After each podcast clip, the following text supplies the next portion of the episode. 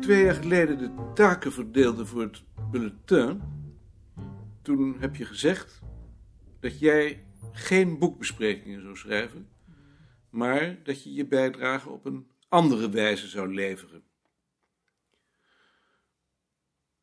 Je hebt nooit gezegd waaruit die bijdrage dan zou bestaan. Moet ik daar dan verantwoording van afleggen? Ja, dat vind ik wel. Waarom dan? Omdat ik het hoofd van de afdeling ben. Ehm, ik begrijp wel dat dat vervelend is. Ik ben er ook niet voor een plezier, maar ik ben wel verantwoordelijk voor de werkverdeling. Ik zie niet in waarom ik zo'n beslissing niet zelf zou mogen nemen. Moet toch genoeg zijn als ik dat meedeel? Omdat als jij het niet doet, anderen ervoor opdraaien. Maar daar doe ik dan toch weer ander werk voor? Zo werkt dat niet. Als je in een team werkt, dan kun je niet op je eigen houtje beslissen wat je wel en niet doet. Dan moet je erover praten en je motieven geven. En die motieven moeten dan ook nog door de anderen geaccepteerd worden. Anders krijg je scheve verhoudingen. Daar heb ik anders nog niks van gemerkt. Daar heb ik wel wat van gemerkt. En daarom praat ik er nu over. Zie je, zo gaat het nou altijd. Jij verschuilt je achter anderen. Zeg dan liever dat het jouzelf te veel is om mijn recensies te schrijven. Dat is me niet te veel. Ach, natuurlijk is je dat te veel. Anders zou je toch niet over beginnen? Ik begin erover omdat ik merk dat de sfeer op de afdeling eronder lijdt. Ach, daar geloof ik niks van. Dat zeg je maar omdat je niet verdraagt dat ik een andere opvatting van het vak heb dan jij. En als het aan jou had gelegen, was ik hier nooit aangesteld. Dat heb ik aan meneer Beerta te danken. Jij hebt nooit wat in me gezien. Je vergis je. Vergis me niet. Ik heb dat heel goed gemerkt. Ik vind het best dat jij een andere opvatting hebt van het vak. En ik wil daar ook best ruimte voor maken, daar gaat het niet om. Het gaat erom dat wij de opdracht hebben gekregen om dat tijdschrift te maken. Daar konden we niet onderuit. Ik kon daar in ieder geval niet onderuit. En jullie hebben dat geaccepteerd. Ik was er anders tegen. Jij was er tegen, maar je hebt je tenslotte bij het besluit van de meerderheid neergelegd. Ja, zie je wel, daar heb je het nou weer. Jij gebruikt de meerderheid om mij te dwingen, terwijl je vroeger zelf ook tegen publiceren was. Ik ben wel tegen publiceren, maar ik begrijp ook dat dat tenslotte niet is te verdedigen. Ik vraag van jou ook niet dat je aan de lopende band recensies en artikelen schrijft, maar dat je van tijd tot tijd je loyaliteit tegenover de afdeling toont door je nek uit te steken. Iemand die zich altijd overal aan onttrekt omdat hij geen vuile handen wil maken, zet onvermijdelijk kwaad bloed. Je weet heel goed dat het niet is omdat ik geen vuile handen wil maken. Maar ik weet ook dat wij die allemaal wel maken en dat het zo wordt uitgelegd. En dat ondermijnt het gevoel van saamhorigheid. Daar gaat het mij om. Zie je, dat, dat is nou wat ik zo verschrikkelijk vind, dat je mij op deze manier dwingt om vuile handen te maken. Ik wil zelf kunnen bepalen wanneer ik iets wil publiceren. Als je deel uitmaakt van een groep, dan kan dat maar tot op zekere Maar hoogte. ik wil helemaal geen deel uitmaken van een groep. Ik ben geen padvinder, zoals jij. Dat is niet zo'n verschrikkelijk aardige opmerking. Nee, zo, zo bedoelde ik het ook niet. Ik bedoel, ik, bedoel, ik bedoel het zakelijk. Als je bedoelt dat ik behoefte heb aan loyaliteit, dan heb je gelijk. Kan me trouwens niet schelen om een padvinder genoemd te worden. Nee, zo bedoelde ik het echt niet. Ik bedoel dat jij gelooft dat het mogelijk is om solidair te zijn en niet wil inzien dat we in een prestatiemaatschappij leven. Ik zie wel in dat we in een prestatiemaatschappij leven, maar ik vraag aan jullie geen prestaties. Prestaties interesseren me niet. Alleen dat je doet wat je kunt. Die recensie die jij in de tijd geschreven hebt over het boek van Jan Everaert vond ik voortreffelijk. Het is geen kwestie dat je het niet kunt. Ik zal er nog eens over denken.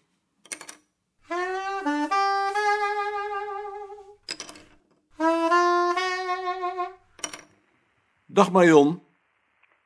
Bart is ziek. Ach, wat heeft hij? Hij zegt dat hij moe is en een paar dagen thuis wil blijven. Ik denk dat hij zich erg druk heeft gemaakt de laatste tijd. Hij leeft niet gemakkelijk. Hij trekt zich de dingen soms erg aan. Doe hem mijn groeten. En zeg hem dat hij zich niet hoeft te haasten. We houden zijn plaats wel warm. We vermaken ons wel. Ik zal het doen.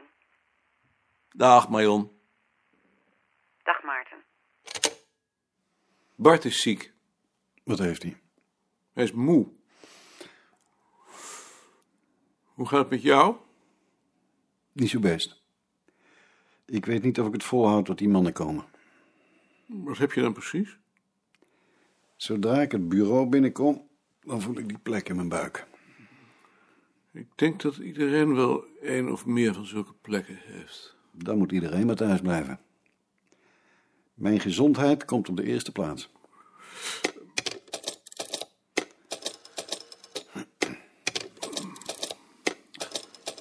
Met Jantje Babelaar? Asjes is ziek, scheelt hem? oververmoeid. Ook al, ik hoor niet anders. We hebben een ongezond beroep. Ik zal het doorgeven. Dank je.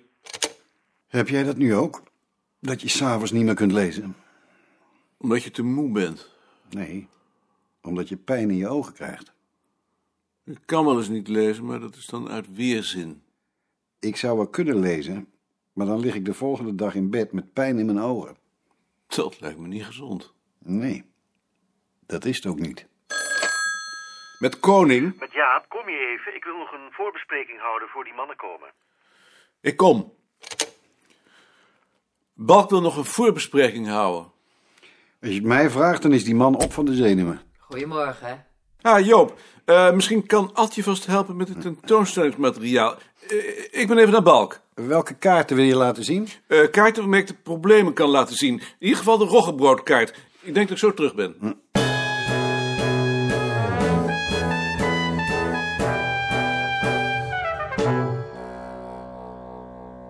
Bekijk het nog eens en laat het me dan zien.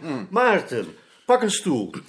Ik heb intussen inlichtingen ingewonnen en de verwachting is inderdaad dat deze man straks de opdracht krijgt om de bezuinigingen door te voeren. We zullen hem dus met alle egaars moeten behandelen. Bovendien ben ik gewaarschuwd dat het departement op het standpunt staat dat er zo langzamerhand wel genoeg verzameld is. De nadruk ligt op onderzoek. Denk er dus om dat je straks, als we op de afdeling komen, het accent legt op het onderzoek. Dus, Maarten, ook geen aandacht voor je kaartsysteem. Laat ze dat ook maar niet zien. Maar ons onderzoek is toch juist gebaseerd op wat we verzamelen? Maar geen verzamelen meer om het verzamelen. Dat doe ik ook al lang niet meer. We ontvangen ze hier. Ik zal ze toespreken. Jullie zegt alleen wat als je iets gevraagd wordt, maar dan zo kort mogelijk. Die man moet een gunstig beeld van het bureau krijgen. Als dat achter de rug is, gaan we de afdelingen langs. We beginnen boven bij volkscultuur. Laat je ze de kluizen nog zien. Ik zal zeggen dat we kluizen hebben om het belang van ons materiaal te onderstrepen, maar ik laat ze niet zien. Muziek? Doen die onderzoek? Ik dacht dat Elshout alleen liedjes verzamelde. Matser maakt een bibliografie.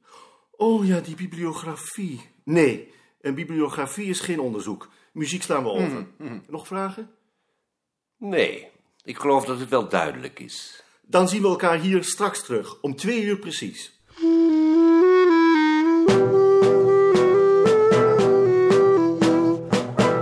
Maarten, wat eh, vind je er zo van? Hier liggen de liedschriftjes. Hier een kaart met de plaatsen waar ik ze verzameld heb. Daar de fiches van Freek. En eh, we hebben de bandrecorder geïnstalleerd voor het geval de heren van het departement wat zouden willen horen. Ja, eh, Freek, het gaat niet door. Komen ze niet? Balk wil de nadruk leggen op het onderzoek en niet op het verzamelen en het bibliografische werk. Dat had je dan wel eens eerder mogen zeggen. Ik wist het niet eerder. Het departement schijnt te vinden dat er genoeg verzameld is. En heeft dat voor ons ook nog co- co- consequenties? Zover is het nog niet, maar Balk wil jullie dus bij de rondgang overslaan. Nou, dan ruimen we het maar weer op. Het spijt me.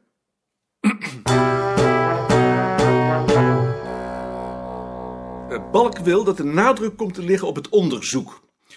Wat er nu over het verhaalonderzoek ligt, die handschriften en de bakken van het kaartsysteem, kunnen dus beter weer weg.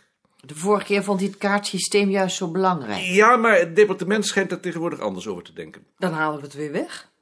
Wat wou je er dan leggen? Als we nou de kaarten van de nageboorte, de kerstboom, de dorstvlegel en het roggebrood achter elkaar leggen, dan kan ik daaraan laten zien wat de problemen van dit soort onderzoek zijn, als ze dat horen willen tenminste. De kerstboom illustreren we dan met vragenlijsten, de dorstvlegel met foto's, tekeningen en landbouwverslagen, het roggebrood met een keurboek en een bak met fiches van keuren. Dan kunnen ze zien hoe arbeidsintensief ons onderzoek is. Dus toch fiches. Ja, natuurlijk. We laten toch niet door het departement bepalen hoe wij onderzoek doen. En die nummers van het bulletin? Met jou en mijn artikel, kunnen we ze die dan niet cadeau geven? Die nummers geven ze cadeau.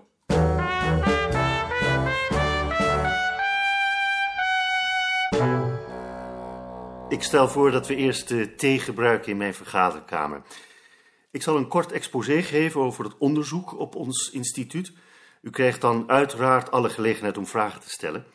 Daarna volgt er een rondgang langs de afdelingen, zodat u zich een indruk kunt vormen van het vele werk dat hier verricht wordt. Uh, graag. Maarten, wil jij meneer Goud even waarschuwen dat hij de thee brengt? Dus, ik heet u nogmaals hartelijk welkom. De laatste keer dat wij op ons instituut een deputatie van het departement hebben ontvangen, was, als ik het wel heb, in 1937. Ons instituut was toen nog gevestigd in het hoofdbureau. Ja, U bevindt zich dus niet alleen Meneer in een Goud, van de het is zover. maar ook in een van de oudste instituten van het land. Graag. Een instituut waarom ons land in het buitenland benijd wordt en dat in Nederland met het WNT en de Rijksdienst voor Oudheidkundig Bodemonderzoek als enige onderzoek doet naar de Nederlandse volkstaal, de namen, de cultuur. En dat dus waarlijk een monument genoemd mag worden. Een Nederlands monument in de ware zin des woords. Maar niet een monument in de gangbare betekenis, geen versteende vorm, maar een springlevend centrum van onderzoek, waaraan regelmatig nieuwe loten worden toegevoegd, zoals nog zeer onlangs het middeleeuws bronnenboek, een werk van grote geleerdheid, waarvan de uitvoering in handen is gelegd van dokter Kloosterman, die hier aan mijn rechterhand zit. En dit is de kamer waar het onderzoek naar de Nederlandse volkscultuur plaatsvindt. U vindt hier een kleine tentoonstelling. Het hoofd van de afdeling, de heer Koning, zal u daarbij een nadere toelichting geven. Ik geef u eerst de drie tot nu toe verschillende nummers van ons bulletin. U vindt daarin een aantal voorbeelden van het soort onderzoek dat wij op het ogenblik doen. En dan hebben we hier op de tafel een aantal kaarten liggen die de problemen die we bij dat onderzoek tegenkomen illustreren. Een van de dingen waar wij ons mee bezighouden is het opsporen en verklaren van cultuurgrenzen. Op deze eerste kaart, de kaart van de nageboorte van het paard, ziet u een voorbeeld van zo'n grens. Als u goed kijkt, kunt u die hier zien lopen, dwars door Brabant. Ten zuiden van die grens werd tot voor kort de nageboorte begraven. Ten noorden daarvan werd die opgehangen. Het probleem is dat de ouderdom van die grens alleen te bepalen is met behulp van aanvullende historische gegevens. Die ontbreken in dit geval. Een voorbeeld van cultuurgrenzen waarvoor we wel over historische gegevens beschikken vindt u op de kaart waar meneer Drees nu naar kijkt. Dat is de kaart van het roggebrood. Geef toe dat het wel ongewone onderwerpen zijn. Moet, moet, moet kunnen, neemt u mij niet kwalijk. Nee, natuurlijk niet. Ik zou er zelf ook op moeten wennen.